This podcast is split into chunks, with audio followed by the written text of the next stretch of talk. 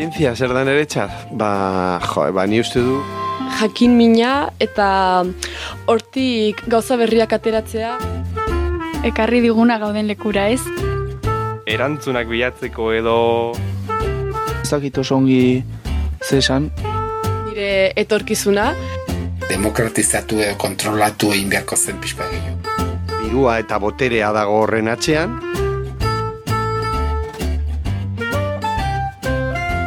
Ezinuka, zientzia zinguraturik bizi gara. Zientziaz blai. Transgeniko ez mintzatzen gara azokan, klima aldaketaz mendian, dopajeaz lagun artean, kimikoetaz hilapaindegian. Gizakiok erabaki asko hartzen ditugu egunerokoan eta horiei aurre egiteko irizpideak behar ditugu.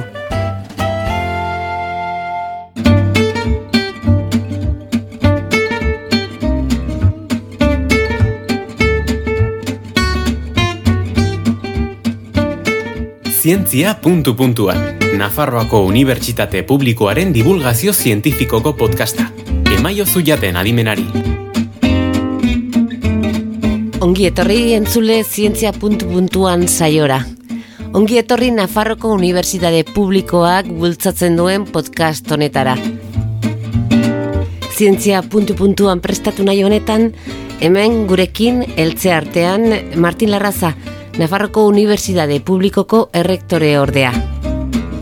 Berak lagunduko digu gaurko menua fundamentuz prestatzen. Ongi etorri Larraza jauna. Egunon, bai. Martin, argi dago gizarteak baduela zer esan gai honen inguruan. Horregatiken erantzunak jasotzeko asmotan lehenbizi kalera jo dugu. Zientzia zer da niretzat? Ba, jo, ba, ni uste dut e, gizakia izan duen tresna bat ba, aurrera jotzeko, ez? Ba, zientzia gabe nik ez dakit gizakia nun egongo zen gaur egun, eta ni zientzia ikusten dut e, baikortasun handiarekin. niretzat gehien bat zientzia da mundua ulertzeko modua, eta ez bakarrik e, mundua orokorrean gizakia ulertzeko, gure inguruna dauden gauza guztiak ulertzeko, eta azkenean ba, ez bakarrik zientzia, e, letrak artea guztia daukan oinarria zientzia da, da jakin mina eta hortik gauza berriak ateratzea, gauza berriak aurkitzea, hauek zergatik horrela funtzionatzen duten zientzia errantzunak bilatzeko dugun tresna da.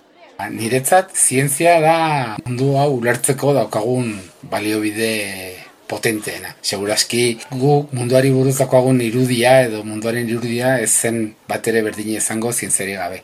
Eta uste dut, e, ba, ematen digun e, irudia edo, ba, hobeagoa eta politiagoa dela, ba, zientzia ez balego baino. Zientzia niretzat bada azkenean ekarri diguna gauden lekura ez. Agian onerako edo ez hain onerako, baino ba hori. Ba orain mikro honekin grabatzen ari garena, e, aurrean daukan ordenagailua, hau dena. Zientziaz galetzen diaten, pues ez dakit oso ongi zesan. Iruditzen zait gauza bat oso zabala eta objetiboa dela. Eta orduan ni- nik uste dut inguratzen gaituen ia guztia aldela zientzia dela esan. Batzuk uste dute zientzia bakarrik dela, pues, medikamentuak eta horako gauzaz innovatzea edo gauza berri egitea, baina ni adibidez iruditzen zait, ba, kirola zientzia dela, etxeak zientzia direla, Iritzi desberdinak eta erantzunak ere alakoak. Gure gizartean zientzia zinguraturik bizi gara, hala esan digute. Gure bizitza, natura eta unibertsoa ulertzeko giltza, omen. Martin Larraza, zer da zientzia zuretzako? Ba, orain aipatu zuna eta horre audiotan entzun duguna hain zuzen ere, erabat ados nago aipatu diren gauz guztiekin, hor nirezat zientzia munduari begiratzeko eta mundua ulertzeko gizakiok asmatu dugun gauza da, ez da metodoa edo tresna aipatu da, bai, eta hori. Eta hori horrexe da, eta hori den einean, ba, gure e, aurrerapenaren eta garapenaren gizarte bezala, ba, garapen horren motor edo nagusina esango nuke dela zientzia. Zientziarik gabe esan da, ez da, onutza itxite gara zientziari esker, pues, zientziarik gabe ez ginen puntu honetan egongo. Ekonomia zientzia alda. Bai, dudari gabe bai. Gizarte zientzietan sartzen dugu, hau da, aipatu da, bai, zientzia ez dela bakarrik, ba, e, osasunarekin zer ikusia duten zientziak, edo biologia eta teknologiarekin, baizik eta badago zientzia, ze beste, beste arlo batzutan, bai, oitako bat, ekonomia da gizarte zientzia deitzen diogu, ze hor ere e, metodo zientifikoa eta hor badaude hainbat galdera eta erantzun, e, erantzun darritugunak eta e, erronkak direnak gaur egun, eta bai, dudai gabe ekonomia zientzia bada. Historia batzutan zientziari gabe kontatzen da.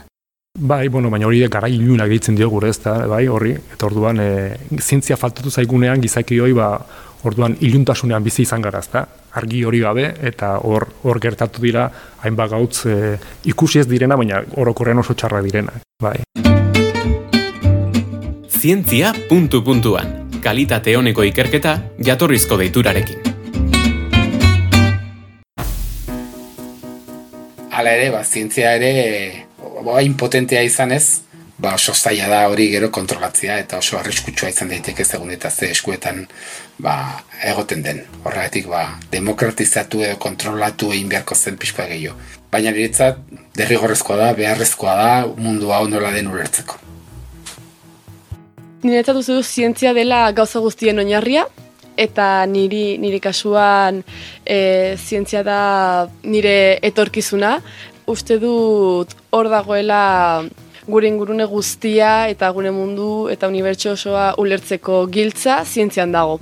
Ba, nire iritzia da agian hobeto gongo ginatekela zientziarik gabe askotan. Gauza oso onak ekarri dizkigu, baina aldi berean ere bai, ba, ari gara bizigaren planeta, ba, hori, planetari gaizki egiten, orduan askotan pentsatzen dut, ba, hobeto egongo ginatekela, ba, ezakit, gure arbasuak biziziren modura naturalago... E... Zientziak erantzun batzuk ematen dizkigu, eta gero bakoitza e, e, erantzuna horiek nahi duen bezala erabiltzen ditu. Orduan, bai, niretzat positiboa da, ze nahiko ongi erabiltzen direlako erantzun horiek, eta agian soluzio bat bilatzeko pues, modua dela. Ni uste dut, ba, zientzia oso ona dela, eta gizakientzat, ba, bueno, ez ginateke egongo gaur egon gauden tokian, baino beste aldetik ere pena da, bakarrik hor dirua eta boterea dago horren atzean, eta ordun askotan lortzen dena ba, batxuentzat da, beste batxuentzatez, eta azkenean, bueno, olakoa gara gizakiak eta eta horretan gaude. Mesfidati batzuk, epel beste batzuk. Ba, iritzen, nik uste zientzia berez po, e, positiboa dela, aipatu da hor e, arriskutsua izan daitekela, baina bueno, hori da igual jakintzaren erabil, e, batzutan egin daiteken jakintza horren erabilera, ezta? E, beti esaten da, ezta nobelen kasuan, non, eberrak polbora edo aurkitu zuen, eta, pues, bueno, e, onerako edo txarrerako ez da erabili daiteken eta batzutan pues, gauz txarrak egiteko ez da gizart erabili daiteke, baina orokorrean zientzia, aldi horretatik uste dut zientzia nahiko neutroa dela, ez ezagutza ematen dugu, mundua ulertzen dugu, e, gizartea hobeto ulertzen dugu, eta, bueno, gero horrek e, albiratzen duena da, bostak, teknologia berriak e, sortzea, e, tratamendu berriak osasunan, e, gizartea eratze, osa, gizartea e, beste modu batean antolatzeko aukera ematen dizu, edo ez dakit olako krisi ekonomiko batean, ba, bueno, badak, e, zintzia nioarrituta, jakintza horretan baina dituta, ze, zer olako neurriak hartu behar diren, pues, bide bat edo argi bat ematen dizu, ezta? Ardo horretatik neutroa da, gero da, ezagutza horrekin ze, ze erabilera egiten zuen, eta, bueno, baliteke, ba, kasu, eta badaude, adibide seguro asko, eta den hori burura etortzen zaizkigunak, non zientzia hori edo jakintza hori gazki erabili den, baina orokorrean jakin izan ez bagenu, ba, ba, bueno, ez dakit hori gure antzinako gizaki horien e, kobazulotan biziko ginateke eta eta, bueno, ez dakit hori hobea den. Gure zatez bintatzez genuke irongo. Baina, bueno, orde, e, gizartea jakin izan behar du zer egin behar den horrela eta zertarako.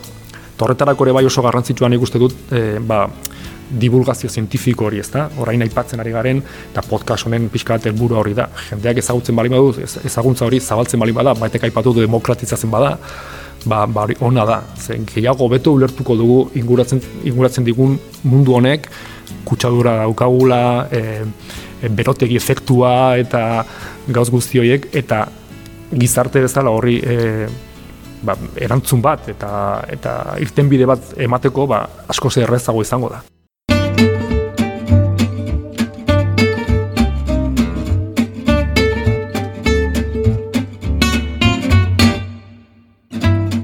Eskerrik asko Martin Laraza jauna zientzia zer den argitzen laguntzeagatik. Zuei. Ez da lan erreza.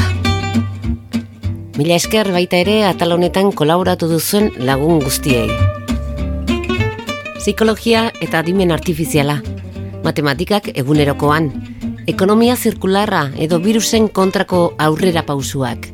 Jaki osasuntsuak, izarrak eta zizareak. Menu zabala, unibertsitatetik mikrofonetara, laborategitik zuen belarrietara. Zientzia puntu puntuan. Ongizan lagunak. Zientzia puntu puntuan entzun duzu. Nafarroako Unibertsitate Publikoaren podcasta. Gozatu zientziaz.